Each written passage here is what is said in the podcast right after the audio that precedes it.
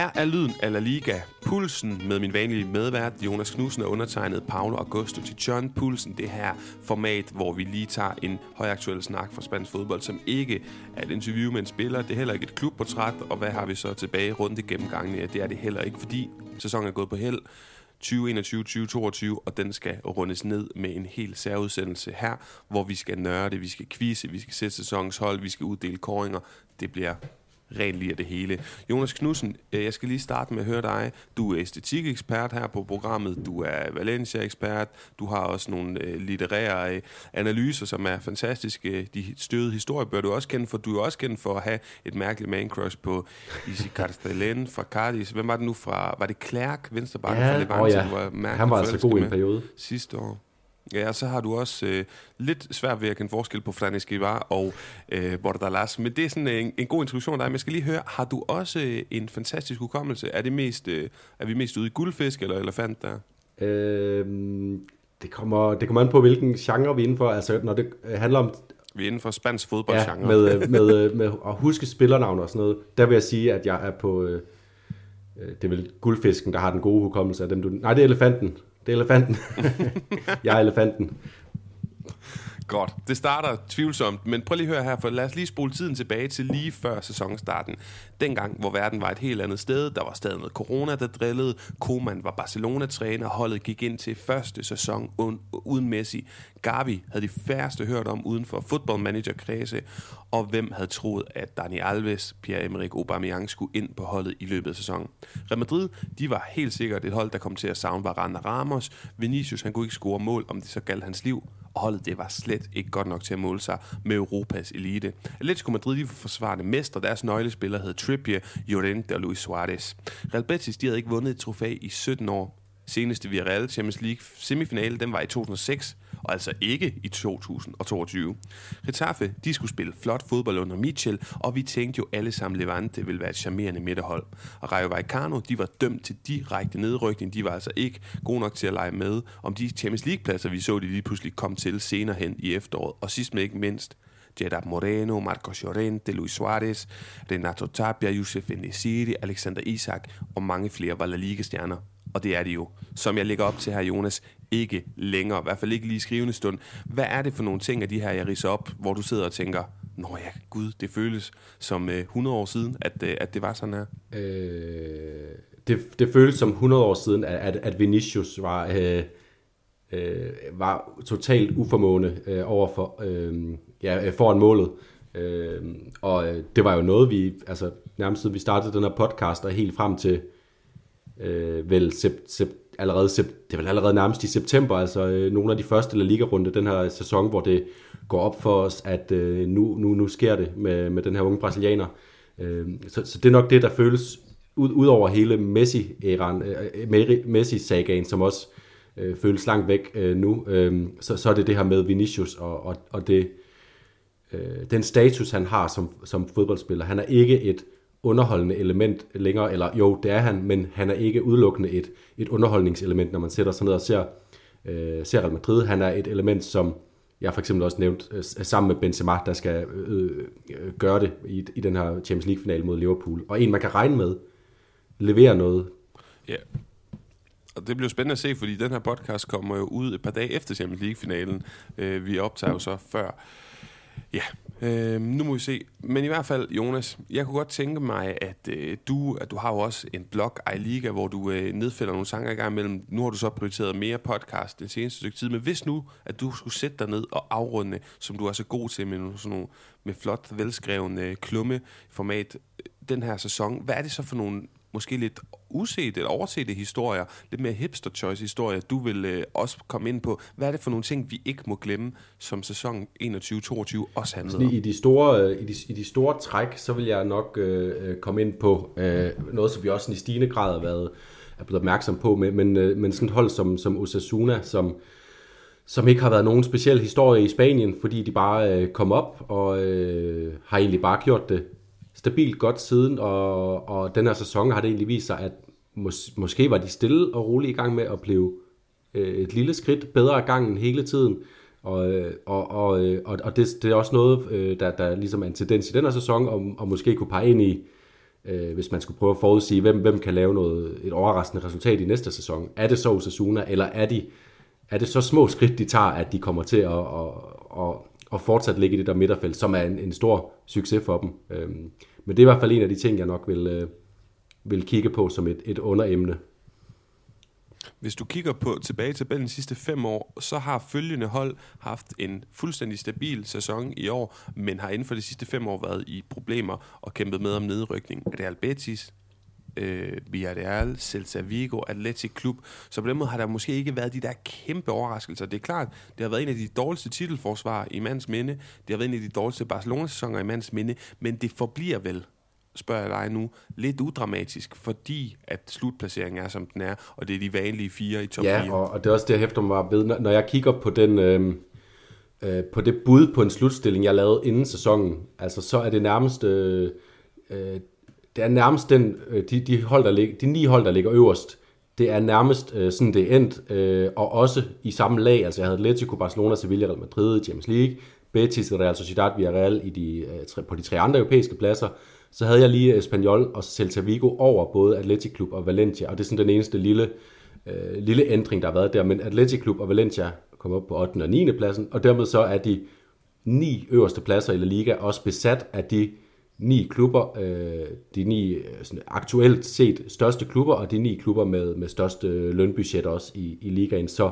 så på den måde øh, ikke overraskende, men det var jo også en sæson, hvor undervejs, der var øh, Real Sociedad fremme, øh, Real Betis, de lå jo også og kæmpede med helt fremme, og, og på et tidspunkt, der var øh, jeg i hvert fald helt overbevist om, at enten FC Barcelona eller øh, Atletico Madrid, de skulle gå klip af Champions League, fordi både Betis og Sevilla, Sevilla kæmpede helt, øh, helt med op i toppen, og det lignede ikke, at de kunne falde, øh, falde, falde så dybt, at de skulle komme ud øh, af top 4. Det var de så faktisk tæt på til sidst, så, så der har der har været de små dramaer, øh, men øh, det er hele er endt øh, øh, så udramatisk det nærmest kunne. Også med, med, med tre nedrykker, som Granada er overraskende, Levante er overraskende, men, øh, men der er ikke en af de her store, som vi har set så mange gange i spansk historie, som du snakker om. Altså øh, Betis, Sevilla, Atletico har været nede, øh, Espanyol for nyligt, øh, Real Sociedad, øh, dengang med Chris Mann, øh, var, var nede og vende. Så, det, det, har vi været, øh, det har vi ikke set noget til.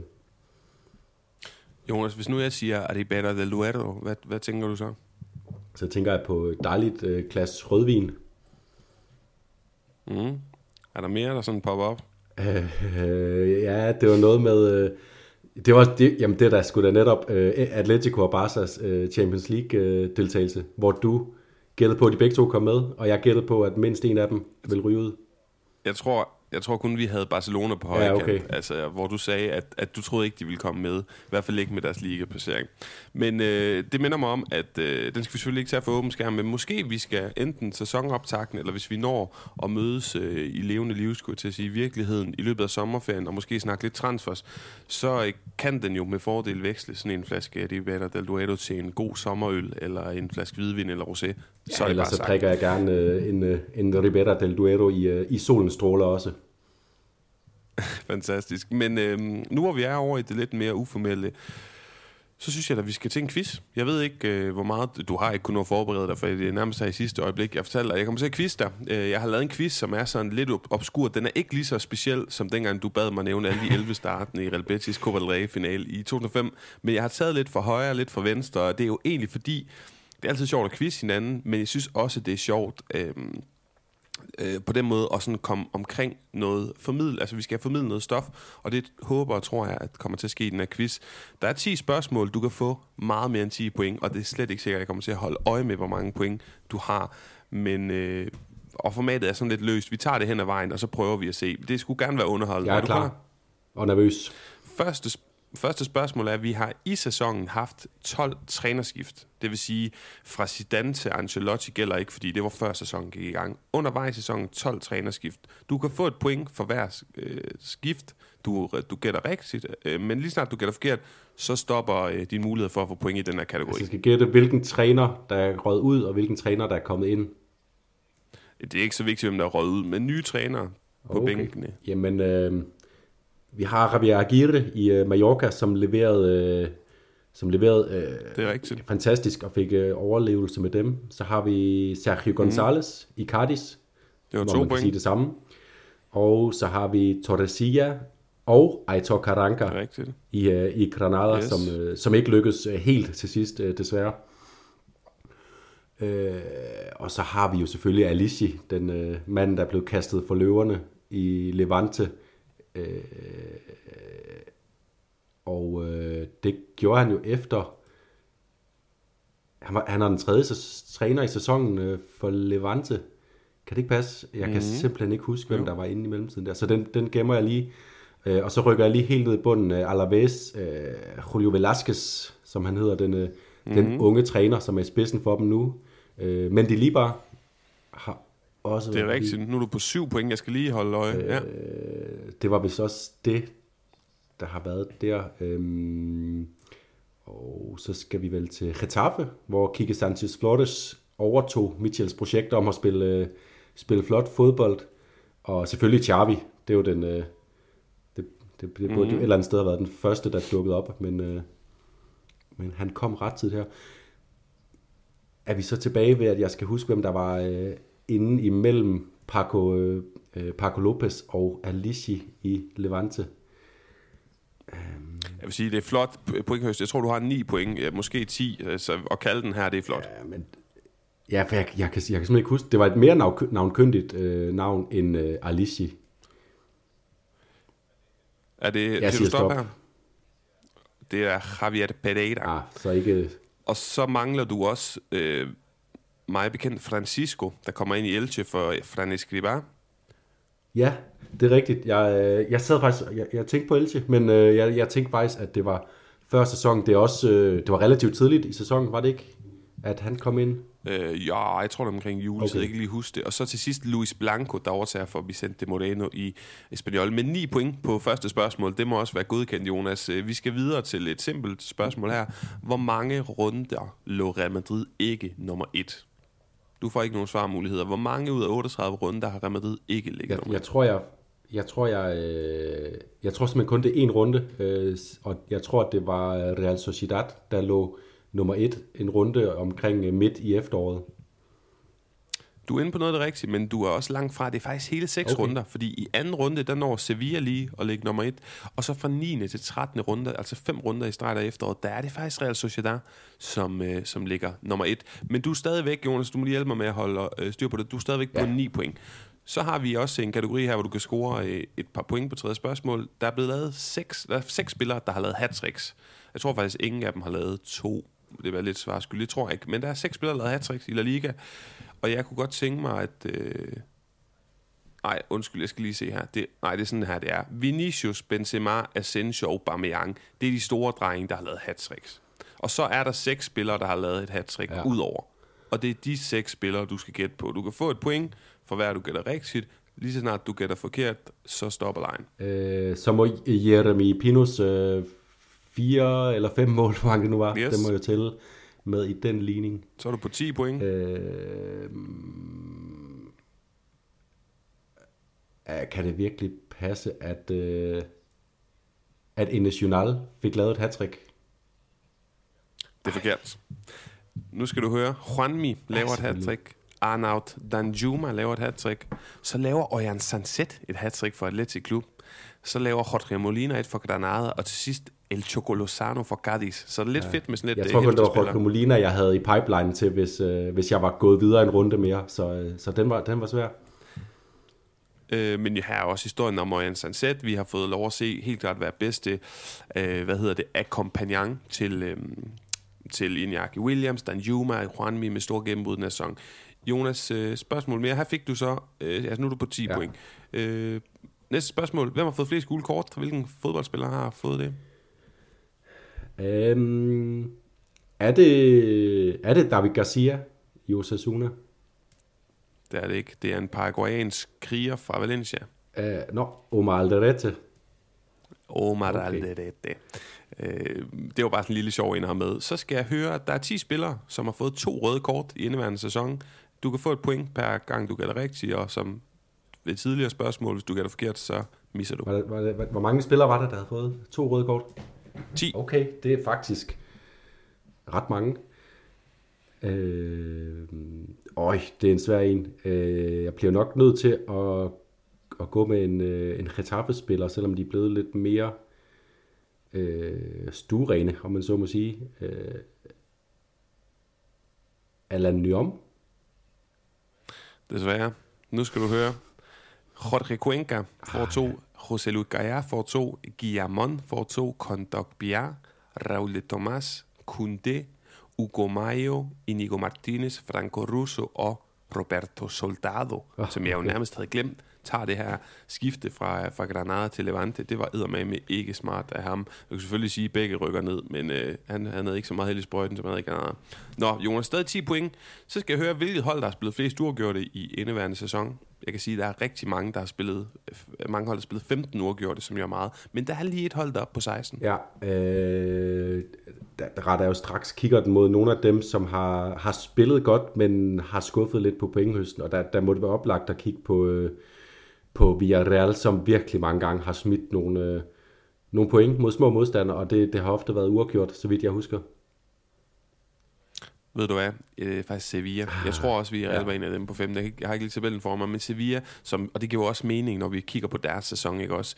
Rimelig... Øh, uimponeret. Altså, de har ikke spillet så pænt. De har været sådan lidt for konservative i deres tilgang. Aldrig rigtig gået så meget efter de tre point. For kontrolleret. Ikke så super meget gnist i Ja, og det, det er jo egentlig imponerende at spille så mange uafgjorte og så ende, øh, ende så højt øh, i tabellen trods alt. Øh, så, så jo kado til Sevilla for ikke at tabe, men det er det, vi har, det er det, vi har taget med ud af Sevilla fra sæsonen, at de, øh, at de har manglet noget, noget galskab i deres, øh, i deres spil, og især deres offensiv har, har virkelig, virkelig skuffet mig, og jeg har, jeg har simpelthen kedet mig igennem så mange Sevilla-kampe. Det er kun den der, de der Real Madrid-kampe selvfølgelig, øh, som vi måske kommer til at snakke om senere, og så øh, øh, den ene fredag aften, hvor jeg satte mig og så Sevilla Granada, og så bare fik underholdning for alle pengene, men, øh, men ellers så har jeg altså haft en, en dårlig nogle dårlige oplevelser med Sevilla den her sæson.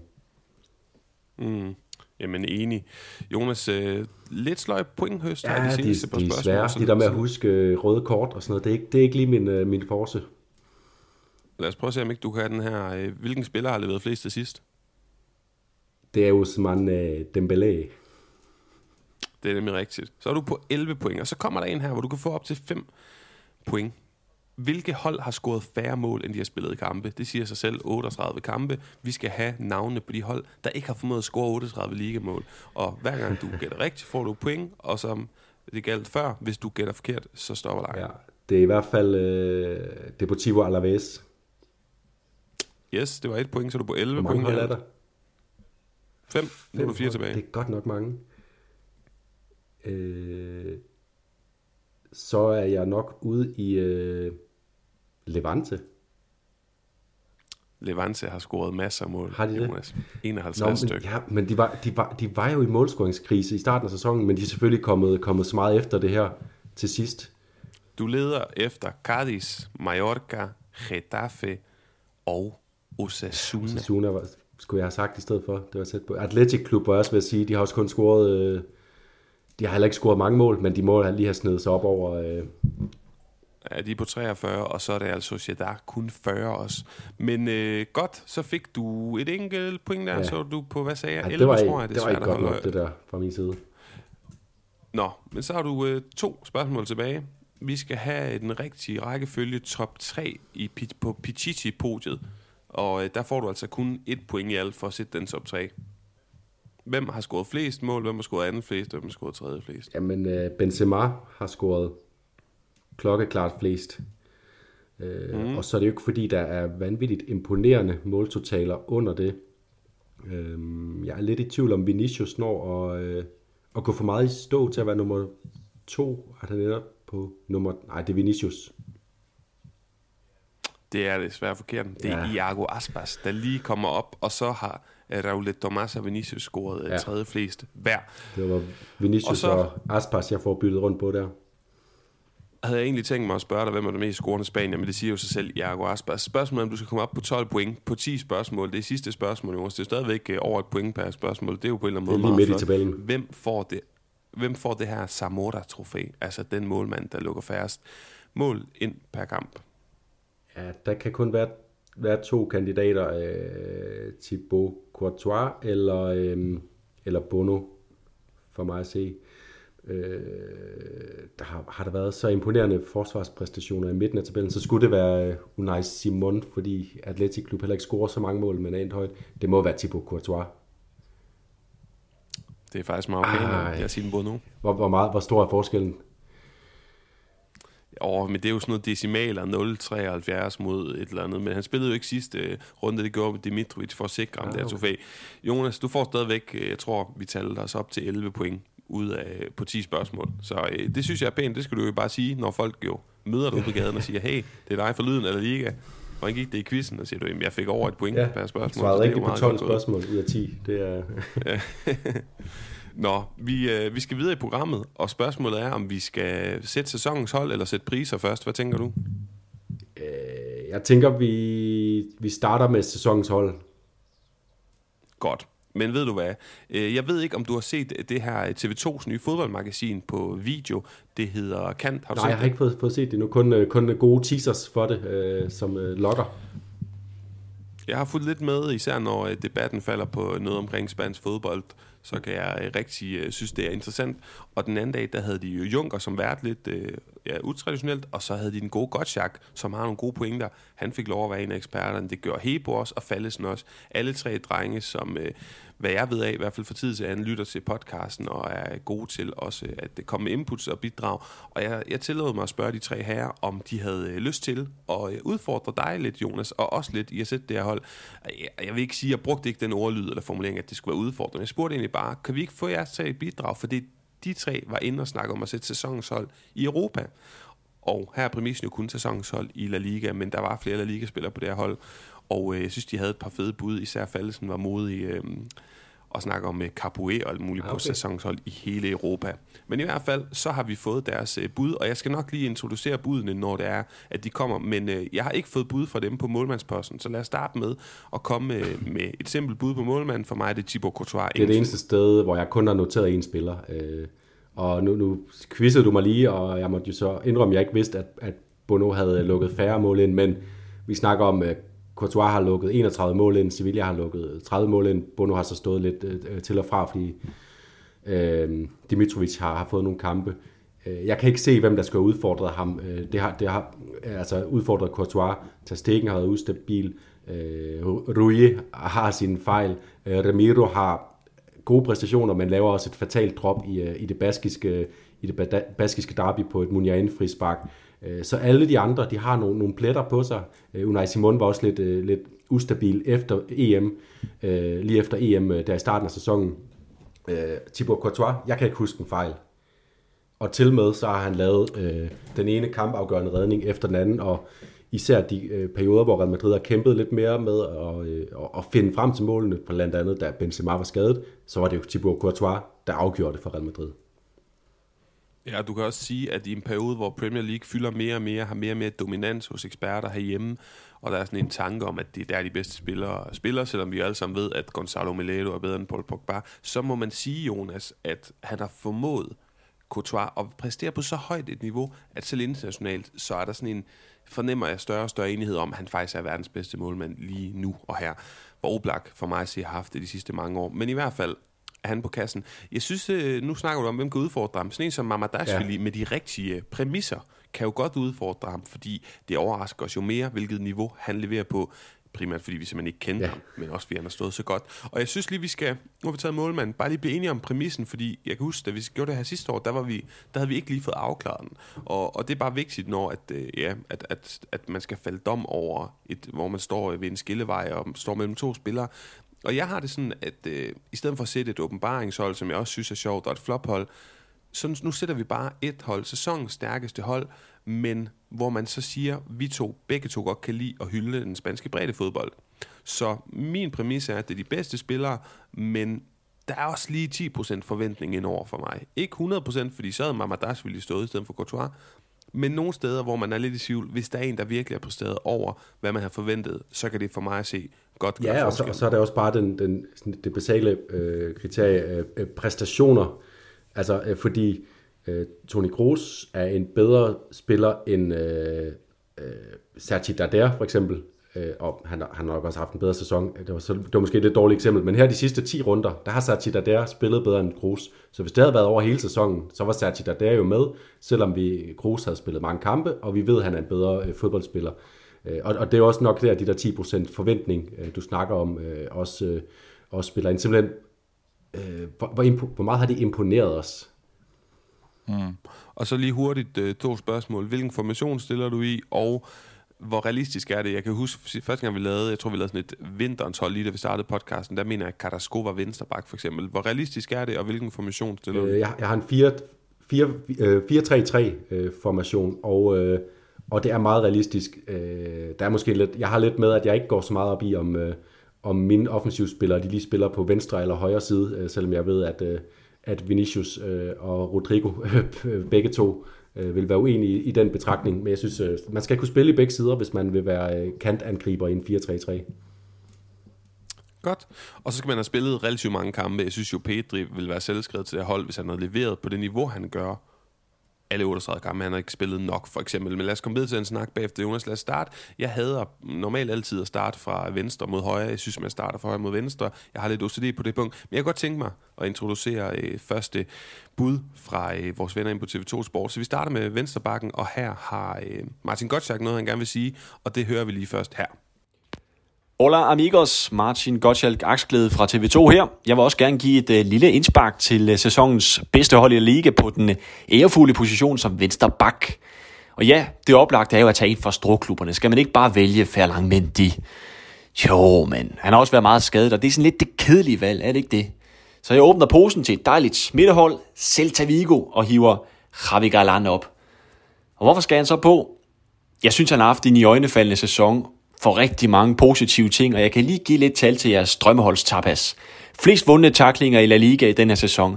Næstflest vundne defensive dueller i Europas top 5 ligaer. Top 10 over flest indlæg i La Liga. Han ligger i top 5 over flest succesfulde driblinger i La Liga. Faktisk den er forsvarsspiller med flest. Han er kun overgået af offensive folk som Vinicius, Trejo, Carrasco. Så det er jo også derfor, at der er flere store klubber, der har ham i sigtekornet, og det er altså kun efter en sæson som fastmand i Celta efter det her succesfulde skifte fra Huesca. Så det er mit valg, og husk nu den her velkendte galisiske ramse. Javi Galan er bedre end en slurk levertran. Jonas, jeg kan øh, røbe allerede nu, at det ikke er den øh, sidste ekspert, der lige hurtigt vil nævne Javi Galan. Jeg synes, det er øh, for øvrigt i det her kant-program på TV2, der finder jeg så ud af åbenbart, at Gottschalk, han, er, han har noget polske aner, hvilket jeg synes er ret imponerende, fordi han har en flot spansk, øh, flot spansk udtale, og Javi Galan er hans bud venstre bak. Hvor, øh, hvor står du der? Øh, det, det synes jeg er et, et frækt bud, også øh, fordi han var jo faktisk en... Øh, det var en handel, vi bemærkede, da, da Celta hentede ham fra, fra Huesca, fordi han havde imponeret i, øh, i, øh, i Huesca, og, og jeg hørte da også i, øh, i, i, i vores sæsonoptakt, som jeg lige lyttede den anden dag, at, at du nævnte, at, at han havde ligesom gjort det, vi måske kunne forvente Morika, øh, og håbe Morika vil gøre øh, i løbet af sæsonen. Øh, det havde han ligesom allerede gjort, og han er jo gået ind på Celta og har gjort det godt fra start. Øh, jeg, jeg, havde, jeg havde ikke noteret ham, men nok fordi, at Celta har været sådan lidt en grå øh, eminence øh, for mig at se øh, i den her sæson. Øh, men han er helt klart et godt bud. Mit, min, min øverste bud, det er, det er Alex Moreno øh, fra Betis og Jordi Alba fra Barcelona. Øh, Øh, den, den gavede øh, venstreback, altså han ligger, hvis han havde spillet alle kampe, så havde han, øh, så havde han vundet øh, La Ligas, øh, eller øh, ført øh, øh assistlisten, er næsten overbevist om. Han ligger med 10 assist, øh, øh, lidt bag øh, Osman Dembélé. Det er vildt imponerende for den her gamle mand, og så har han jo scoret nogle, nogle øh, fuldstændig fantastiske mål på helflugter og, og gjort sig bemærket på den måde også. Øh, så, men jeg ved ikke helt, altså Alex Modano har nok imponeret mig lidt mere. Øh, jeg vil sige, og jeg synes, det er svært at smide en Barcelona-spiller på det her hold. Det er, en, det er en diskussion, vi kan have, hvis der kommer andre bud. Jeg er fuldstændig enig med dig i, Jordi Alba jo øjensynligt gør det fantastisk offensivt. Jeg synes, der simpelthen er for store mangler i hans spil. Øh, Javi Galanda er en mere gennemført spiller. Alex Moreno er spilleren, der har, der har trådt et niveau op på venstre bak for mig den her sæson. Øh, jeg havde også lige en anden pointe. Hvad var det omkring? Det var, jo, øh, det er ikke rigtigt, tror jeg ikke. Jeg har ikke lige minuttallene foran mig, men jeg tror også, jeg tror Usman Dembélé har spillet endnu ja, mere end Jordi Alba. Det vil sige, hvis du ganger minutterne op, så, så tror jeg faktisk, at det er de to Barcelona-spillere, men med Usman Dembélé med flest oplæg. hvis man sådan fremskriver det på den måde. Men Jonas, jeg er på Alex Moreno. Han, han står først på min, øh, på min liste her, så øh, Jordi Alba som nummer, nummer to. Så, så det er det ikke bare un, honorable mention til jo, gode det er det. Og til Ravi Galante, jeg synes, det var et godt bud. Øh, han kommer også nok også ind foran den tredje. Jeg havde lige noteret Frank Garcia, men han har haft en lidt mere ustabil sæson end, øh, øh, her, øh, her mod slutningen, end man, man lige kunne have håbet på. Øh, så derfor så, så, så glider han lidt ud i klemsel, men øh, da Rayo var rigtig god, der var han jo også øh, rigtig god, men, øh, men lidt for, lidt for ustabilt. Jonas, øh, jeg synes, det er øh, midterforsvaret. Jeg synes, venstre midterforsvar, øh, David Alaba for mig. Højre midterforsvar synes jeg er svært. Der er mange gode bud. Jeg synes, Albiol har været fantastisk. Bedre end Pau Torres for mig den her sæson. Jeg synes, Kunde har været rigtig god. Og så synes jeg, at Militao har været rigtig god. Ja, kan du hjælpe mig lidt øh, der? Jeg, jeg har jo Militao over øh, David Alaba. Jeg synes, øh, øh, Alaba har vist nogle sprækker. Øh, at, øh, at der, der faktisk der er kommet ret meget igennem Real Madrid øh, imellem ham og, og Falam Mendy, når han har spillet, øh, hvor, hvor jeg synes, Alaba har haft øh, lidt, lidt, altså Alaba har ikke haft indkøringsvanskeligheder, det vil være vanvittigt at sige, med det, han har præsteret sammen med Militao, men jeg synes, det er Militao, der har, der har anført det her forsvar, og virkelig har, har steppet op i, øh, i Sergio Ramos forsvar. Han har så fået en total luksusmakker i, øh, i David Alaba, det, øh, det kan jeg kun takke for. Så, så jeg vil starte med at sætte Militao ind, og så diskutere, hvem der skulle, skulle med ellers hvis man sådan skal virkelig gå op i det, så skal det jo så være en, der spiller venstre forsvarsside i, normalt. Men hvem har du sat ved øh, siden af? Jamen, jeg har...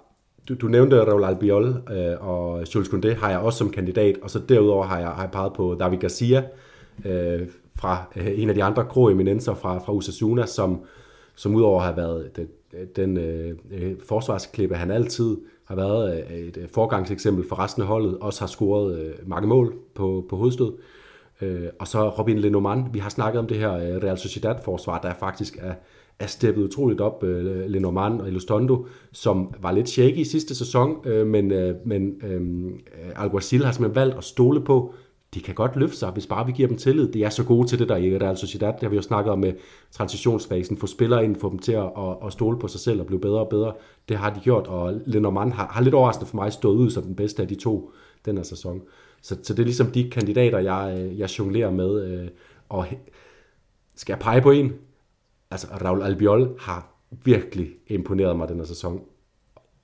Jamen, det er også det. Det har han også mig. Jeg synes, vi skal sige det på den måde. Jeg vil sige, Militaus forår har været så lidt svingende, men, det, men han har jo været vanvittig god. Honorable mention også til til Araujo. Jeg synes ikke, vi går galt i byen med et Militao, øh, Raul Albiol forsvar, men, men mange gode bud. Vi har også, vi har også nævnt øh, de her forskellige... Øh, ja, forskellige bud, Jonas. Øh, men skal vi ikke bare sige det sådan, og så tage over på højre bakken, som jeg synes, der har været svært, hvor jeg, jeg kommer til at stille min mand, som ikke i sin sådan, i sagens natur af højre bak, men det er det, han spiller på sit hold, vi er reelle igen. Det er, når Raul Albiol kigger over til højre, så har han en argentinsk kriger, siden af sig, han hedder Juan ja, Frygt. Jeg, jeg, havde noteret nogle, øh, jeg havde noteret mig, at det var sindssygt svært at finde højre backs. Altså, øh, i de, øh, hos de fire store klubber har der ikke rigtig været noget stabilitet. Øh, selv Jesus Navas er, er gået lidt ned i kadence og har også måttet... Øh, jeg synes, Montiel i Han er nemlig god, god, men de har, jo så, de har jo så skiftet lidt rundt, så der er ikke rigtig nogen af dem, der har, har ligesom sat sig på sæsonen øh, på højre bakken den her sæson for, for Sevilla, og, og dermed har, har, har spillet nok og spillet godt nok til at, til at komme i betragtning. Så jeg har kigget på sådan nogen som sådan som Hector Bellerin, men som også har, har, været, har været ustabil, øh, synes jeg, for Betis, selvom han, han bidrager med noget godt, og, og nogle gange bare ser sådan, han ser stadig lidt gennemsigtig ud i sit, i sit forsvarsspil. Og så en, øh, jeg synes, der blev snakket meget om Frank Garcia i, øh, i Rayo Vallecano, øh, da, de, da de var rigtig gode, som jeg, som jeg sagde før. Og på den anden side, der har de altså Ivan Bayou, som, som jeg er, er, er begyndt at lægge mere og mere mærke til, at han er faktisk, han er faktisk virkelig god, også øh, øh en tovejsspiller. spiller Øh, så jeg vil næsten sige, han var mit bedste bud, indtil jeg også kom i tanke om Juan Foyt. Ja, det er sjovt. Øh, de, jeg troede, de ville savne Luis Advincula, men det har de så ikke gjort. Jonas, øh, op på midtbanen, hvor jeg lige skal høre dig, inden vi går i gang. Er Nabil Fekir midtbanespiller eller angriber? Øh, jeg har ham i mit store felt af kandidater til, øh, til den tredje angrebsplads. Godt, så får du ikke øh, ekspert input her. Der er ikke noget ekspert input øh, til midtbanen. Vi kører den selv, dig og mig. Det må vi se, om vi kan overleve. Jeg synes, at øh, jeg synes, den mest selvskrevne plads her, det er faktisk øh, en 36-årig kroat, Luka Modric, på højre midtbaneplads som 8. Ja, jeg, jeg, øh, jeg spurgte min, øh, en af mine Real Madrid-venner i går, øh, hvilke Real Madrid-spillere er øh, selvskrevne. Og øh, det nævnte han ikke Modric. Øh, og det gjorde han ikke, fordi at øh, Modric har været øh, fantastisk på afgørende tidspunkter for, for Real Madrid.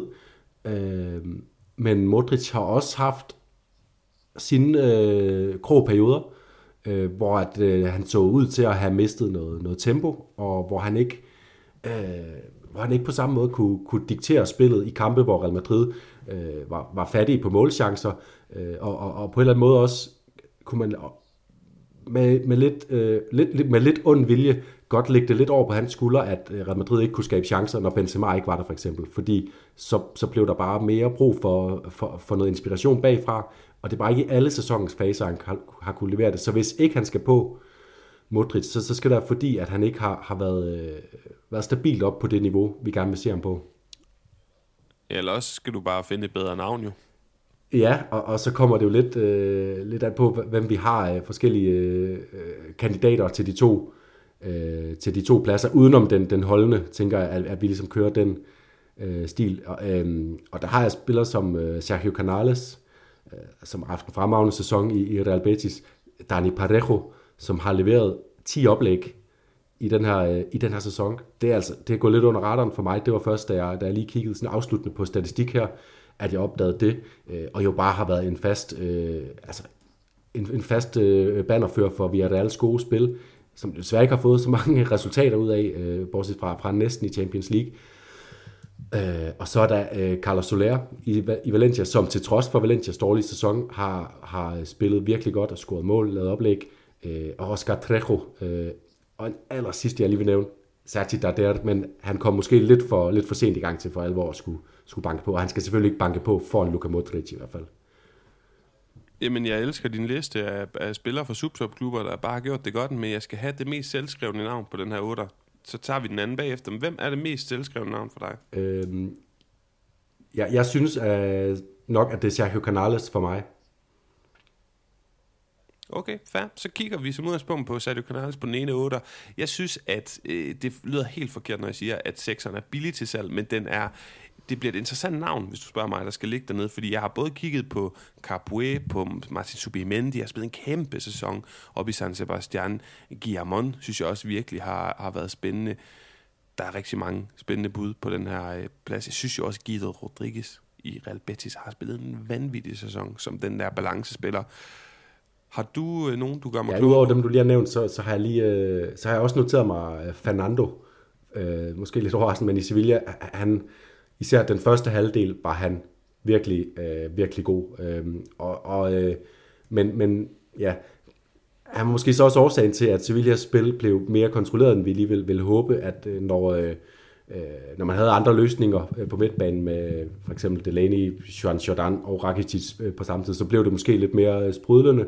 Øh, men, men jeg synes ikke, man kan tage noget fra Fernandos øh, præstation. Også det, at han har kunne gå ned og, og vikariere øh, når Diego Carlos har været et prosehoved og fået, fået røde kort, så han kunne trække ned og spille midterforsvar øh, mm. for Sevilla.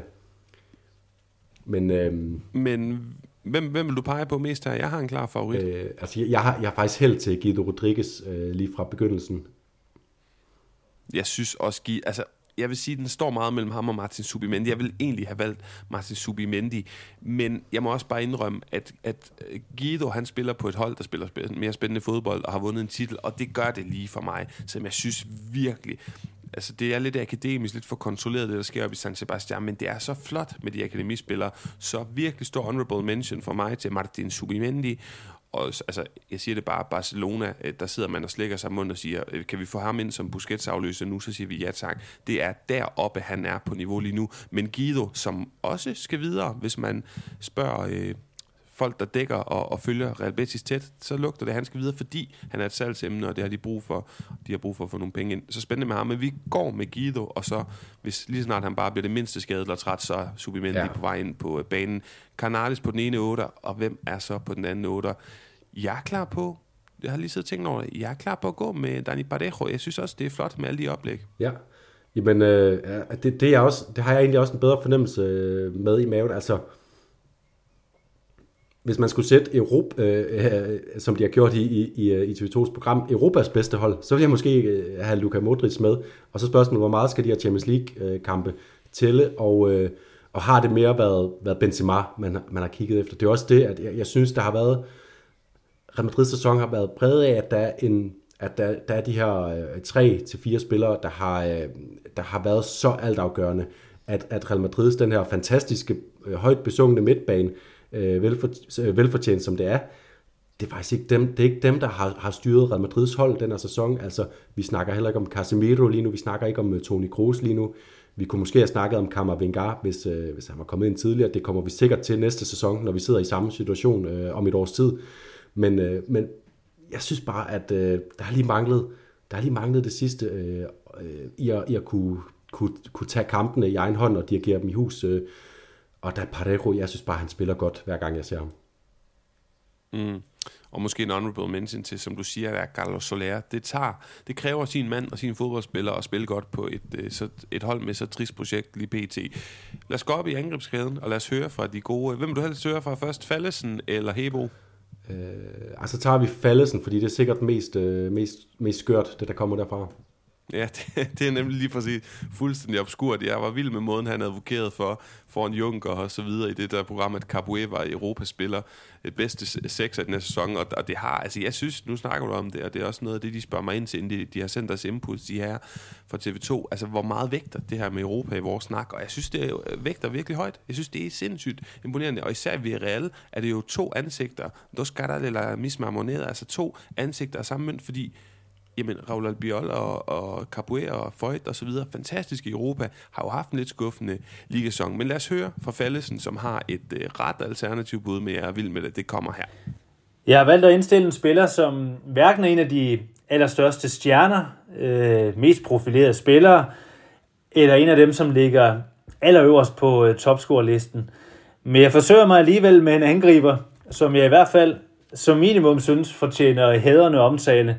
Også fordi det er en spiller, som vi ikke kommer til at se i næste sæson. Og vi skal en tur til Levante, øh, og vi skal have fat i øh, José Luis Morales, manden, som stort set kun scorer smukke mål. Og man forestiller sig jo lidt, at hvis han var en, øh, en kunstner, hver evig eneste billede, han har siddet og malet, det kommer ikke til at hænge tilfældige steder. Det kommer til at hænge på de allerstørste scener og museer i hele verden. Fordi når han møder Real Madrid, når han møder øh, Barcelona, jamen så smækker han de her bolde ind fra de mest utrolige vinkler. Og han er en skøn personlighed. Altså han er helt almindelig af bygning. Altså det er en mand, som er kastet fuldstændig til at kunne stå i klasseværelse, på et bibliotek, øh, i supermarkedet, eller andre steder, hvor også almindelige mennesker vi kommer. Han ligner ikke en sportsstjerne. Men når han så træder ind over kridtstregen, så sker der bare et eller andet med ham. Og han er sådan person, personificeringen af det her Levante-hold. Det er også en mand med følelserne ude på trøjen. Jeg kommenterede en kamp med ham for et par uger siden, hvor han brændte straffespark mod Sevilla, og det endte med, at Levante ikke fik nogen point i den kamp. Og der kunne han godt se, hvor det bare hen af. Og han brølede simpelthen efter den kamp. Og der var et par runder tilbage af ligaen. Så jeg synes, det er en stor personlighed, som vi ser det i hvert fald ud til, kommer til at undvære i La Liga i næste sæson, medmindre han skifter klub. Så af den grund, så synes jeg, at vi øh, skal gøre forsøget og se, om vi kan klemme ham ind på øh, holdet. Viva el Comandante. Ja, altså øh, José Luis Morales, det, det er jo en spiller, jeg altid tænker på, når vi skal lave den her slags hold, fordi det, man kan jo slet ikke sætte spørgsmålstegn ved hans, ved hans kvalitet. Men jeg vil også sige, at den gode faldes bliver måske også lidt farvet af, af, af afslutningen her, og vi, og vi skal huske, det er sæsonens hold, vi sætter. Og man må bare sige, efteråret, det er det, det dårligste, jeg har set fra José Luis Morales øh, nogensinde. Øh, og, og så kommer man altså ikke i betragtning til vores hold, også fordi, lad os bare sige det som det er, Paolo, der er to pladser heroppe foran, der er afsat, og jeg tror nærmest ikke, vi behøver at, at fortælle lytterne, hvem, hvem det er, men det kan vi, det kan vi gøre, når, når vi har, skal, vi bare, skal vi bare få dem øh, på plads? Nej, jeg vil, jeg vil faktisk sige, i stedet for at nævne dem, så vil jeg sige, jeg er så ked af, at jeg ikke har Arnaud Danjuma på mit hold.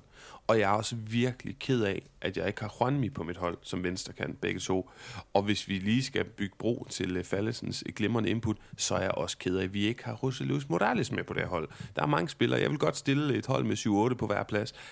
Men den gode Vinicius Junior, han har været så god, at han også er på de herres hold ind på TV2 på, som venstrekant foran Mbappé. Europas bedste hold. Er, har han været Europas bedste venstrekant? Der er i hvert fald argumenter for det. Han har været vanvittig god, og lad os da bare tage hans kompagnon, Jonas, når vi er i gang. Benzema som angriber og, og dvæle lidt ved det samarbejde, de har fået ind i, hvor gode de er nu. Kommer de til at fortsætte det samarbejde i kommende sæson, for der er ikke nogen Mbappé på vej til hovedstaden lige forløbig forskellen på de to. Der var en debat i spansk fodbold, kan jeg huske, i efteråret, det sene efterår. Hvad for en af de her to spillere er den bedste fodboldspiller? Og det kan virkelig lidt primitivt. at sylde begge to. Selvfølgelig er det Benzema, der render med Ballon d'Or nu her, og ikke Vinicius, selvom mange spår, han kommer i top 10 eller top 5 i den øh, afstemning. Så god har han været. Mit spørgsmål til dig. Hvis du kører en fodboldbillet, hvilken en af de her to spillere er det så, du køber den for at komme ind og se? Fordi for mig er det faktisk Vinicius. Jeg synes, der er noget mere umiddelbart spektakulært over ham, og det er slet ikke for at hylde Benzema de ting, Benzema gør på en fodboldbane, er, hvis jeg sådan forstår mig lidt på fodbold, sværere at udføre, altså i de små rum, og gøre de andre spillere bedre, placere sig rigtigt og score alle de her mål. Så begge er jo fænomenale spillere, men jeg synes, den måde, vi ligesom spiller fodbold på, det får mig op at sidde i sofaen. Ja, der er jo, der er jo noget, øhm, øh, noget sådan klokkeklar øh, øh, stjerneklimmer underholdningsværdi i den, i den måde, Vinicius, øh, og, det, og det var der jo også før han blev øh, så god, som han er blevet den her sæson. Altså, det har altid været underholdende at se Vinicius spille. Han har altid øh, haft det der hurtige ryg forbi modstanderen og, øh, og, øh, og gode berøringer på bolden. Jeg synes, ben, Benzema, der, der var en, øh, jeg tror, der var en engelsk øh, journalist, der dækkede den der kamp på Stamford Bridge, som beskrev det helt perfekt. Altså, der er ikke en eneste af Benzemas bevægelser, der går til spilde. Han er, øh, han er så vild at følge. Altså alle, han, jeg, jeg tror, han har, han har måske truffet øh, øh 100.000 beslutninger inde på en fodboldbane i løbet af den her sæson, og jeg vil sige, at 99.999 af dem har været den rigtige beslutning i situationen. Han er så skarp, og, og derfor så vil jeg også vælge ham i det spørgsmål, du stiller der lige nu, fordi det er også noget af det, der er fascinerende ved at, at se fodbold øh, øh live på stadion, det er at, at følge de her bevægelser, man ikke, man ikke ser, inden bolden kommer ind til Benzema i feltet, der så, der, der så sparker han ind. Bare se, hvordan han, hvordan han løber om hjørner med et modstanderforsvar, uden at måske løbe øh, 14 km i løbet af en kamp, men bare fordi alt han gør er rigtigt. Jonas, jeg hørte debatten i spansk radio den anden dag, Benzema eller Messi, og, og, og inden I, I sådan går helt amok og besvimer, så lad mig lige uh, tale færdig her. Det er klart, at, at dengang Messi laver 90 mål i, i, i, på et kalenderår, altså det er jo kun Ronaldo, der nogensinde har kunne være med på det der niveau. Men hvis nu, at, at vi lavede et tankeeksperiment, at uh, vi slørede Benzema's billede, og, øh, og puttede, altså de præstationer, han lavede, og gav ham Barcelona-trøje på, og, og du så så et highlight af hele hans sæson, og det lignede Messi om bagpå, vil du så tænke, jamen det er så god, som Messi er? Forstår du min pointe? Ja, og den, den køber jeg ikke. Øh, der, der, er, der er stadigvæk, der er stadig, uanset hvor god Benzema har været den her sæson, og hvor, hvor vildt det er, det han laver, så er der stadig et eller to niveauer op til det Lionel Messi øh, præsterede, da han var på sit allerhøjeste, og det er det ikke Jamen, da han var allerhøjst selvfølgelig, ja, men for eksempel sidste sæson, eller de sidste par sæsoner, hvor han jo stadigvæk har været outstanding god, men ikke i sin karrieres peak. Er det ikke samme niveau, som Benzema har vist i år? Øh, nej, stadigvæk ikke. Øh, det, det, det synes jeg ikke. Altså, øh, det, det, jeg synes, det er lidt ærgerlig diskussion, fordi det kommer til at få, få det til at lyde, som om Benzema ikke er øh, den store stjerne, han er. Det er han, men før Messi og Ronaldo var der også store stjerner. Øh, efter Messi og Ronaldo er der også store stjerner. Øh, Benzema har også været det samtidig med Messi og Ronaldo, men jo åbenlyst ikke kunne, kunne, kunne følge helt med på, på deres niveau. Øh, men det var, da Messi og Ronaldo har, har spillet og, og, og spiller for så vidt. Nu går det rigtig dårligt for Messi den her sæson, og, og Ronaldo også lidt op og ned, men de er, de er i en, en verden for sig, og, og selv Benzema er ikke i den verden spørgsmålet er, om vores højkant er en verden for sig. Vi skal i hvert fald høre fra den gode Jonas Hebo Rasmussen, en mand, som er et freaking fodboldleksikon. Det er helt vildt, hvad den mand han kan øh, øh, formå at følge med i og forstå og videreformidle.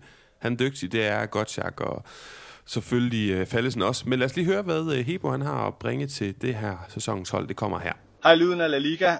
Jonas Hebo her. Jeg glæder mig til at høre, hvad I finder frem til af de 11 bedste. Jeg tænker, I har godt styr på, hvem er Celtas og Sevillas venstre bak, der skal være venstre bak på vores hold. Men jeg tænker også, at op foran, der har I brug for en tiger.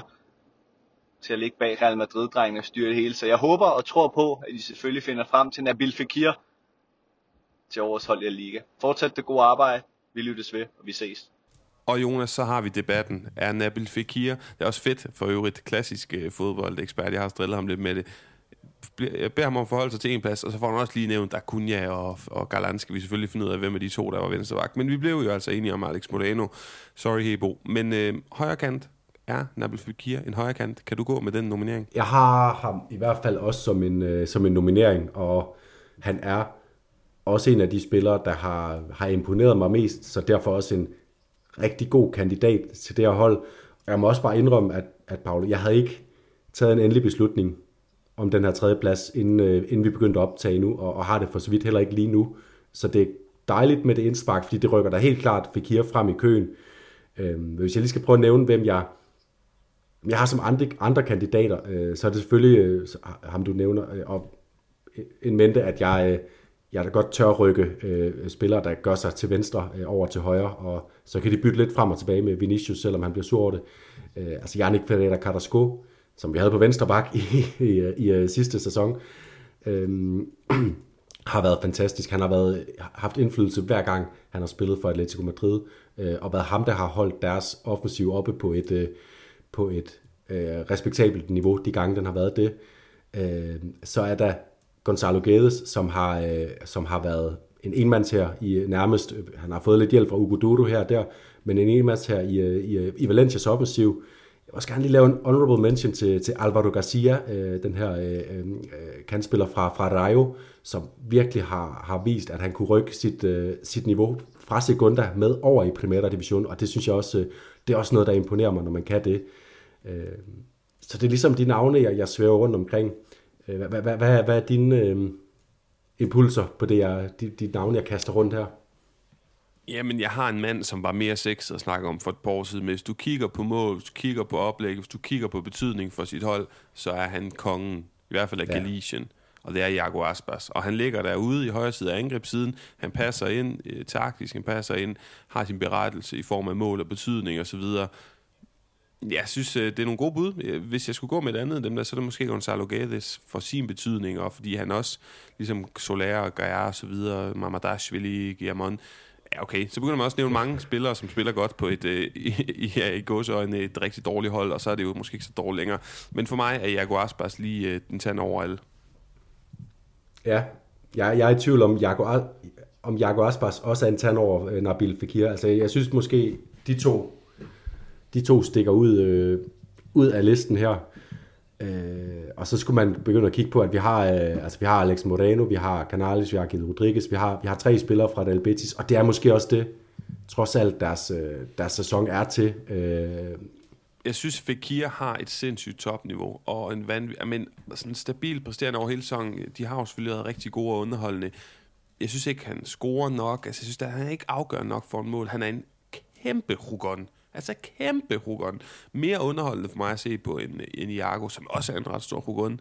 Men Iago, han har målene, han har betydning. Han, øh, ja. ja det, han er lige jeg for heller ikke, øh, jeg er ikke i tvivl om, han vil score øh, 25 mål og lave øh, 15 assist, hvis han kom ind ved siden af, af Vinicius og Benzema i Real Madrid. Det er desværre nok, øh, han er desværre nok blevet for gammel til, at vi, vi får lejlighed til at se ham i, i en af de helt store, men, men den, den spiller, som bare må sige, at han kunne godt have spillet i Barcelona, han kunne godt have spillet i, i Real Madrid, han kunne godt have spillet i Atletico, og, og været en fantastisk spiller for dem. Så lad os, øh, lad os øh, hylde det en måske øh, sidste gang, at, at han kommer i spil til det. Men, øh, ja, og Jonas, han var ude at sige i Spansk Radio for nylig, for et par uger siden, at han var på vej til Real Madrid. Øh, Lopetegi ville have ham i sommeren 2018 og at øh, det så ikke blev til noget nærmest mere tilfældigheder end, end så meget andet. Så bare for at back det op, du siger, at vi skal lige nå at have en uh, træner på det her hold, og skal vi videre til nogle uh, priser. Ja, og jeg har teaset i vores runde gennemgang uh, sidste, uh, efter sidste spillerunde med, at jeg havde tre uh, ligeværdige, uh, sådan nogenlunde ligeværdige bud, som som er de tre eneste, jeg kan se for alvor kandidere til den artikel. Kan, kan du gætte, hvilke tre det er? Du har en ja. så tror jeg, at du har Pellegrini. Ja. Og så er spørgsmålet, om du kigger europæisk nok til, at du har Emery, eller også har du Idaola. Jeg tror, du har Idaola. Det er tre ud af tre, du rammer der. Og øh, Ja, og, og Emery, jeg synes, han falder jo klokkeklart på, at, øh, at han ikke har formået at balancere tingene. Altså, respekt for, at det er hårdt for en klub som Villarreal at være øh, med i Champions League lige til det sidste, men øh, det er bare hans træneransvar, at tingene også spiller i La Liga, og de var altså øh, de skulle ud i sidste spillerunde, for at de overhovedet øh, sikrede sig europæisk øh, øh, deltagelse, og det var lige ved, det var lige ved at blive en lille fadese for, for Villarreal faktisk, så, så derfor så, så var han ikke med i betragtningerne. I, I forhold til de andre, altså Manuel Pellegrini vinder sit første trofæ i spansk øh, fodbold, det første øh, trofæ for Real Betis i, øh, i 17 år, øh, et ud af relativt få i den klubs historie.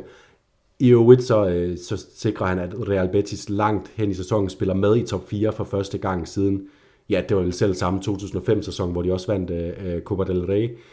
Øh, så på alle måder en vanvittig præcision, og også fordi det vi har sagt om Betis, når vi har sagt, ej, de mangler lige det sidste for at komme, komme op i toppen, det er, at det har været noget, noget rod bag til, det har været uorganiseret, det har været sjovt at se, men ikke sjovt, hvis man gerne vil se Real Betis på resultater.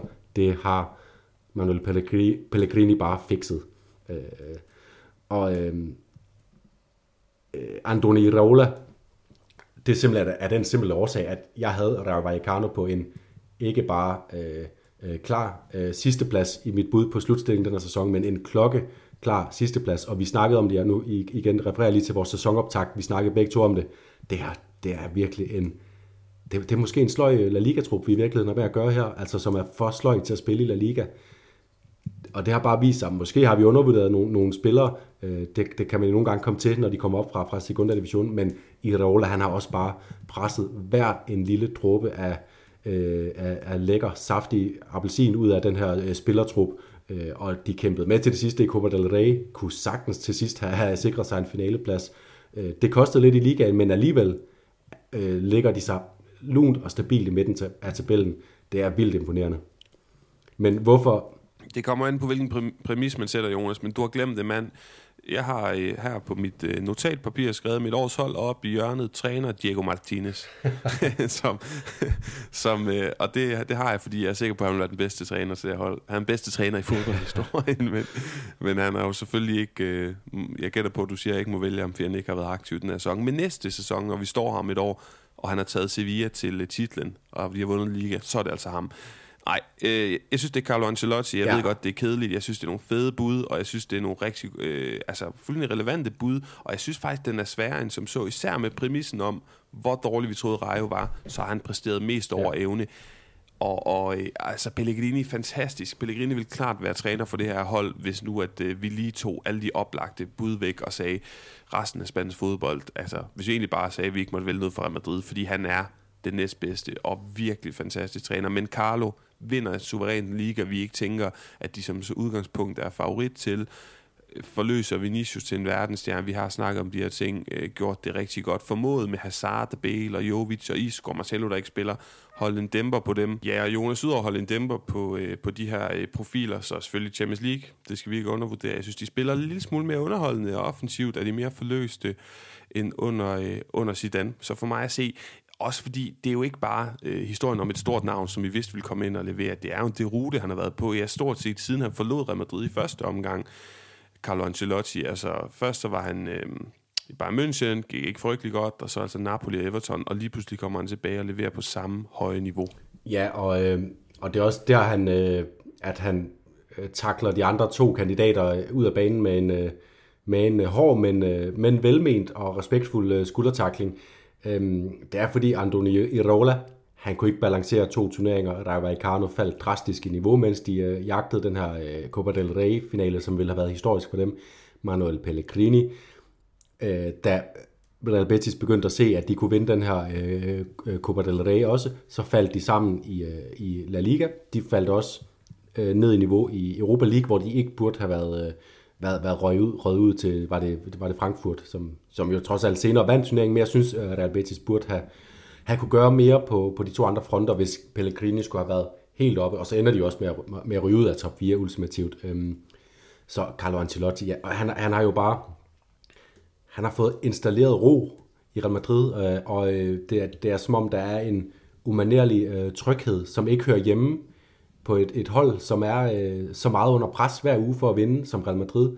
Øh, det er som om, de bare er, er helt øh, øh trygge ved at have ham siddende derude, og han skal nok, øh, øh, han skal nok øh, have deres ryg, hvis det er, at de lige pludselig kommer ud for noget kritik og sådan noget, og så, øh, og så er det bare, så, så er det bare måske også derfor, at Vinicius og Benzema for eksempel kan, kan levere bedre, fordi de ved, at de har, øh, at de har ham siddende derude helt roligt, øh, helt klar på, hvad der, hvad, hvad der er, der skal til for, for, for at præstere. Jonas, jeg opsummerer sæsonens hold. Courtois på mål, Foyt, Raul Albiol, Militao og altså Alex Moreno på, øh, i, i forsvarskæden. Her er det værd at bemærke, at Militao, hvis folk kritiserer det, men han har haft lidt skidt forår her de seneste par måneder, så prøv at kigge på, hvor overlegnet hans forsvarsspil var før det. Og så Albiol, der er også overlegen på erfaring, rutine, forudsigelighed, jamen der er Militao bare på, på kundskab og talent. Altså går simpelthen bare ind og stjæler bolden og forsvarer, som, øh, som man gør og bør. Godt midtbane trioen, der blev vi enige om Canales og Parejo på hver sin side af Guido Rodriguez, og så op i angrebet, så blev vi enige om Iago Aspas, Benzema og Vinicius træner Carlo Ancelotti. Vi er langt fra færdige, Jonas. Vi har en hel masse priser, der skal uddeles, og lad os da bare starte med sæsonens Rugon, og der skal jeg lige, øh, efter du nævnte dit navn, bede dig vurdere, om det er sæsonens spiller, sådan en klassisk forstand, eller en Rugon, altså sådan en lækker spiller. Karim Benzema, og øh, begge dele. Og begge dele. Ja.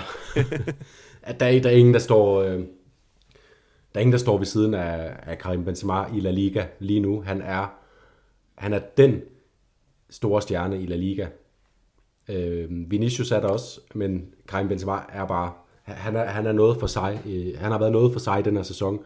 Også på den internationale scene. Han må også øh, vinde den der øh, Ballon d'Or, når, når det kommer. Altså, øh, øh, ja, jeg kan næsten ikke se andet, øh, uanset om Real Madrid vinder eller taber den der Champions League-finale. Jeg synes, det var, det var lidt vildt. Nu snakker vi om sammenligning med Messi før. Altså, han har jo leveret en Champions League-sæson, som er bedre end nogen Messi nogensinde har leveret sådan på mål. De der to hat i streg. Det er det, der har overrasket mig mest, at han lige pludselig tog det til de her Ronaldoske niveauer, øh, hvor han også kørte hat mod Atletico Madrid og Bayern München osv. Fordi La Liga, der vidste vi godt, det snakker vi også om i sidste sæson, han er den bedste spiller i La Liga, med undtagelse af Lionel Messi for eksempel. Så rigtig flot sæson af ham. Jeg er fuldstændig enig. Han er både en Hugon og, og bare en fantastisk øh, god fodboldspiller.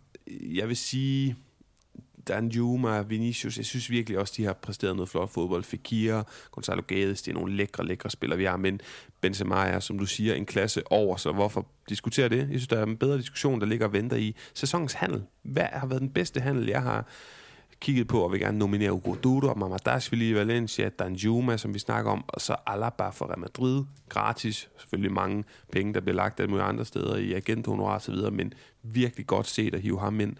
Og så Aubameyang hos Barcelona, og det er jo også en diskussion, vi måske kan have senere på sommeren, hvis vi skal lave lidt transfersnak. Hvorfor er det, man har så travlt med at hente Lewandowski? Fordi du har hentet ham ind, og aftalen er, siger troværdige og anerkendte journalister omkring Barcelona jo, han er på en billig hyre her i starten, men fra næste sæson, så er han på en høj, høj løn, den gode Aubameyang. Jeg synes egentlig også, at han gør sig fortjent til det. Så i hvert fald er han også nomineret som sæsonshandel for mig. Ja, det er han også, og det er de, dem du lige nævner her. Øh, måske bortset fra Ugo Dodo, ham har jeg lige, øh, ham har, ham har alligevel lige valgt at se bort, bort fra, øh, fordi sådan på, i det store billede, altså jeg kan godt se, øh, sådan fra Valencias perspektiv, har han, han været en god handel, men, men sådan øh, i det store La Liga-billede, så, så, så plejer han lidt ved siden af de andre. Udover, udover dem, du har nævnt, så har jeg også øh, Giovanni øh, Lo Celso i Villarreal, som kommer ind og spiller fantastisk for dem. Øh, lige, øh, han var noget, de manglede, men som man ikke vidste, de manglede, før han kom. Øh, så, så det siger også noget om hans kvaliteter, at, at så må man bare finde et sted, han kan spille, hvor det, hvor det giver mening. Øh, så har jeg også øh, skrevet en anden januar-signing, øh, øh, Vedat Muriki, som, øh, som ender med for mig at se at være, være nøglen til, til Mallorcas øh, overlevelse. Og så vil jeg altså også gerne snakke om Eduardo Camavinga. Øh, jeg, har, jeg har været vild med ham lige siden han, øh, han fik sin første minutter for Real Madrid. Der har været, øh, der har været nogle mere tvivlsomme præstationer, især det her, øh, som jeg, jeg har, jeg har kritiseret ham lidt for, hans, øh, hans flow i, i possession-spillet, i, i afleveringsspillet. Øhm, men han har også bare vist sit værd øh, nu her allerede øh, sidst på sæsonen, og, og jeg tror, i hvert fald hvis vi kigger tilbage om, om 10 år, så er det den handel, der står ud i den her sæson. Men isoleret mm. set, den her sæson, lige nu når vi sidder her, så hælder jeg til at sige uh, Arnaud Danjuma uh, for Villarreal. Det er altså en vild historie. Ja, jeg er enig. Jeg har lyst til Mamadashvili. Det havde været hipsters ja. choice, men det er jo Danjuma med de mål, med den indflydelse, han har haft, især også i Champions League, men også i La Liga, han har taget med Storm og Jonas. Bare lige for at sætte et ord på Eduardo Camavinga, er jo ikke helt for mig at se med op og kan være, at være med på det niveau, fordi han jo simpelthen ikke har spillet Nej. nok, men sindssygt spændende, altså låne tegninger til, til en vanvittig profil her i fremtiden, som startede sådan godt, så var der en mellemperiode, der ikke var så god, og så taget hans position i truppen, i hierarkiet, hans erfaring eller mangel på samme, øh, i betragtning sindssygt afgørende i de her remontadas med sin energi i, øh, i Champions League. Så ham holder vi øje med. Videre til øh, flere priser. Vi har en masse. Hvad er sæsonens skuffelse for dig? Øhm, for mig kigger jeg øh, rigtig meget på Atletico, øh, og der, der er flere forske- forskellige individuelle spillere, som øh, som kunne tage prisen som sæsonens skuffelse. Jeg vil, jeg vil kigge på en, som jo, hvis det stod til, øh, til, til hvad man sådan, øh, hørte øh, på, øh, på vandrørene i løbet af sommeren, burde have været på den liste, vi lige har, har lavet, altså hvor vi har kåret Anat Juma til det bedste indkøb, Rodrigo Di Paul. Øh, og der må man bare sige, på La Ligas vegne, aldrig gå tilbage til en fuser. Han var en flad oplevelse, da han var i Valencia. Han tager til Italien, spiller godt for Udinese, og man tænker, okay, så, så giver vi ham en chance mere på allerhøjeste hylde. Han har fået rigtig meget spilletid fra, øh, fra Diego Simeone. Jeg synes ikke, han har leveret noget, der peger i retning af, at de skal satse på, at han skal være i hvert fald en del af deres, øh, deres øh, di Gala øh, den kommende sæson. Så, så han, har, han har for mig at se været en, en skuffelse. Ja, jamen, øh, jeg er fuldstændig, uh, fuldstændig enig. Jeg, jeg kigger også på Marcos Jordan til Atleticos titelforsvar, Atleticos defensiv. Der er en eller anden tematik, vi er over i Atletico-lejen her. Jonas, uh, lad os kigge på noget mere positivt. Sæsonens åbenbaring. Jeg sad og kiggede længe, Guillermont på 6'eren, National, Juanmi, hvor kom det fra? Og så kom jeg i tanke om en mand, som inden han nærmest havde fået lov at, at kigge på Camp Nou's græs til en enkelt gang, så startede han inden for Spanien i afgørende landskampe. Gavi for det første er han mit bud. Det, er, det var så stor en historie, og han er stadigvæk så spændende. Og så bagefter kunne jeg lige tænke mig kort at høre dig, og det skal være kort. Hvad, altså, er, er han faldet lidt af på den, eller er det fordi, at det vilde er blevet normalen for ham, eller hvor er vi hen? Øhm, jeg, jeg tror, han lagde, lagde ligesom ud, øh, det du også snakker om her, fra, fra et så højt niveau, at for en spiller i hans alder, så var det øh, så skal man være oppe på, på Pedris niveau, fristes jeg til at sige, for at kunne vedligeholde øh, Øh, et så vanvittigt højt niveau i sin, i sin første, øh, første øh, fodboldsæson øh, på, øh, på voksenplan. Øh, så, så det tror jeg er det, og det er også derfor, man måske sidder med sådan lidt afmattet følelse. Stadigvæk har han, han, han er en, en spiller, der, der, der gør virkelig mange gode ting, øh, stadigvæk øh, også her øh, sidst på sæsonen, når han spiller. Øh, lækker spiller, og, og jo også en spiller, som jeg synes, han er sådan lidt, lidt mere charmerende end mange øh, af de her unge spanske midtbanetalenter, fordi han også har den her øh, øh, aggressivitet og, og det her temperament i sit spil, hvor han kan, han kan, han kan nærmest øh, miste hovedet, fordi han bliver, bliver hissig. Det skal han selvfølgelig arbejde på at lægge af sig, men, men det giver ham en, en lidt anden side end den her øh, lidt mere polerede øh, Pedri, øh, som, er, som virkelig er en, en god dreng hele vejen igennem. Hvem har du? Jamen, jeg, jeg har også skrevet Ugo Guillamon øh, og Jens Junal, så har jeg også Øh, jeg, jeg har også lavet sådan en lille note om øh, Vinicius Rodrigo, altså kan man stadig snakke om det? Altså, jeg, jeg synes jo, Vinicius har virkelig overrasket os, men vi snakkede også om ham som sæsonens, sæsonens spiller, så, så at kalde ham en åbenbaring vil nok være et stretch, og Rodrigo har vi også kendt til, og det er jo ikke først den her sidst på sæsonen, han for alvor er, er, er trådt helt igennem og er blevet en, en, en afgørende spiller for, for Real Madrid. Så for mig ligger den mellem for mig ligger den mellem Ugo Guillamon, og, og så synes jeg, Gavi er, er, er, er også et rigtig godt bud. Så, så, så en af de to, øh, og jo også begge to, der er folk, der er blevet, har, har fået øh, kvittering fra Luis Enrique i form af, form af landskampe. Så jeg ved ikke, hvem, hvem hælder du mest til af, af de to? Mm, altså... Mm, det, den synes jeg godt nok er svær. Men altså, imellem Vinicius og Rodrigo, synes jeg, det er Vinicius, men hvis sådan hele... Altså, jeg synes stadigvæk Gavi som, som, som åbenbaring. Ja, jamen det... Den, den pris får han øh, tilsendt øh, med Post Nord. En, øh, Det var i hvert fald så voldsomt i efteråret, Jonas. Men, øh, og det skal vi også huske tilbage på. Det er jo ikke kun forårsfornemmelser her. Jonas, øh, jeg, jeg speeder lige lidt op. Både dels fordi, at øh, udsendelsen er ved at, og, øh, ja, at løbe ud i, i mange minutter, men også fordi, bare for helt ærlig, min telefon er ved at løbe tør for strøm. så øh, jeg skal lige høre, jeg har heller ikke rigtig mange bud på øh, sæsonens kamp. Har du et godt bud der? Jeg har øh, begge kampe, som øh, Real Madrid og Sevilla spiller mod hinanden, fordi de, øh, for mig kommer de til at, at dominere det billede, vi har af, hvordan Real Madrid vandt det her mesterskab. Det er remontadas, det er smukke remontadas mod den direkte, øh, den nærmeste modstander i tabellen. Øh, så, og det var fantastiske kampe, øh, begge to. Så har jeg lige El Clasico 0-4 på Banabeu. Vi vil huske den mere, hvis der havde været tættere kamp om mesterskabet, så derfor så glider den for mig at se i baggrunden øh, for det. Og så har jeg min elskede øh, Sevilla-Granada-kamp fra en mørk fredag aften øh, foran fjernsynet. Men øh, den, den kan Ja. trods alt ikke hamle op med, med Real Madrid-Sevilla-kampene. Rigtig, rigtig gode bud i forhold til kampen. Og hvad med øh, sæsonens det der er så? Har du noget der? Ja, og den, den finder man også i de kampe, og det er også derfor, man husker de kampe. Vinicius øh, i hjemmekampen øh, mod Sevilla, det, hvor Real Madrid vinder, vinder 2-1. Øh, det, Sevilla har været, ja, de har været bedre end Real Madrid øh, det meste af kampen. Øh, det står 1-1. Vi nærmer os øh, øh, et, et punkt, øh, det, jeg tror det er sådan et kvarter før tid eller sådan noget, hvor det ligner Sevilla er dem, der skal presse efter et mål. Og så tager han den ned med brystet ude på siden, dribler ind, øh, tager et træk til, et træk til, og så knaller han bare op i hjørnet. Det er øh, en fantastisk detaljasso i sig selv, rent æstetisk, fodboldmæssigt sublimt, og så er det også oven i købet et, et mål, der som sagt bliver, bliver definerende for, at Real Madrid ender Ja, med er mesterskabet. vigtigt, men det er jo også, Jonas, det er også meget sigende for den udvikling, han har haft. Helt resolut, bum, overline sparker op ja. i hjørnet. Så synes jeg er et virkelig godt bud. Lad os gå med den.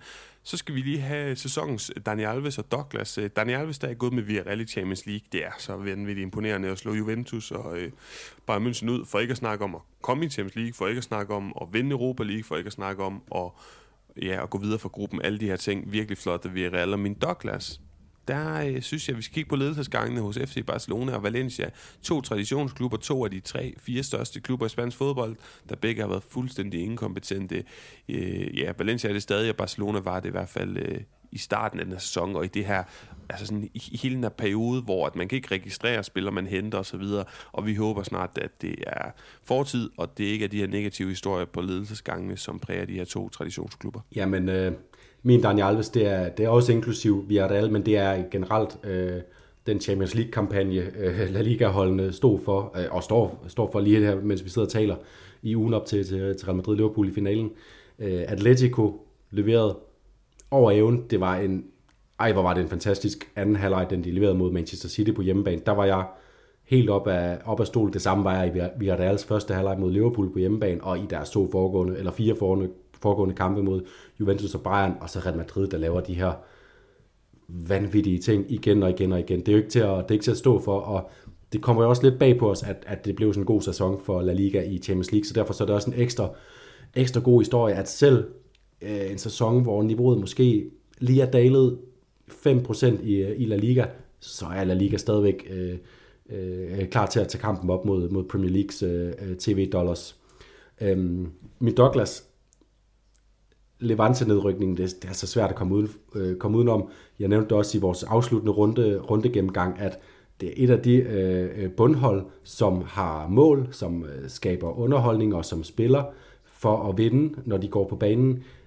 Det er ikke sikkert, at vi får, øh, får hold op, øh, der, der har det, den samme indstilling, selvom jeg tror faktisk, at Almeria er et, øh, godt kan, kan vise sig at være, blive et ret spændende bekendtskab, men Øh, der er ingen af de hold, der reddet sig på bekostning af Levante, som er lige så underholdende, og øh, vi kommer til at savne, savne de kampe, hvor at øh, Levante skal ind og, og bakse med Atleticos øh, defensiv, og lykkes med det. Bakse med Real Madrid, og lykkes med det ud af det blå, og, øh, og spille åbne kampe mod, øh, mod alle hold i ligaen. Det, det kommer vi til at savne så meget. Øh, og, og så er jeg jo helt med på din, din Douglas til Valencia-ledelsen og til Barcelonas ja, den fase, de er i. Altså Messi afsked, det evige efterår, deres øh, måden Koman, øh, øh æra, øh, ikke æraen, Koman-perioden sluttede på, uværdigt for alle parter.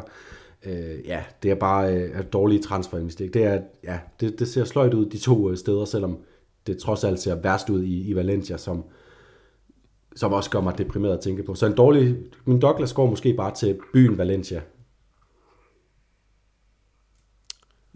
Ja, og Jonas, så øh, der er jo ikke nogen tvivl om, at de har jo hentet Kessier og Christensen, men de, de kan ikke registrere dem, som det ser ud lige nu. Nu vil de også hente Lewandowski den her sommer. Den bliver lang på direktionsgangene ja.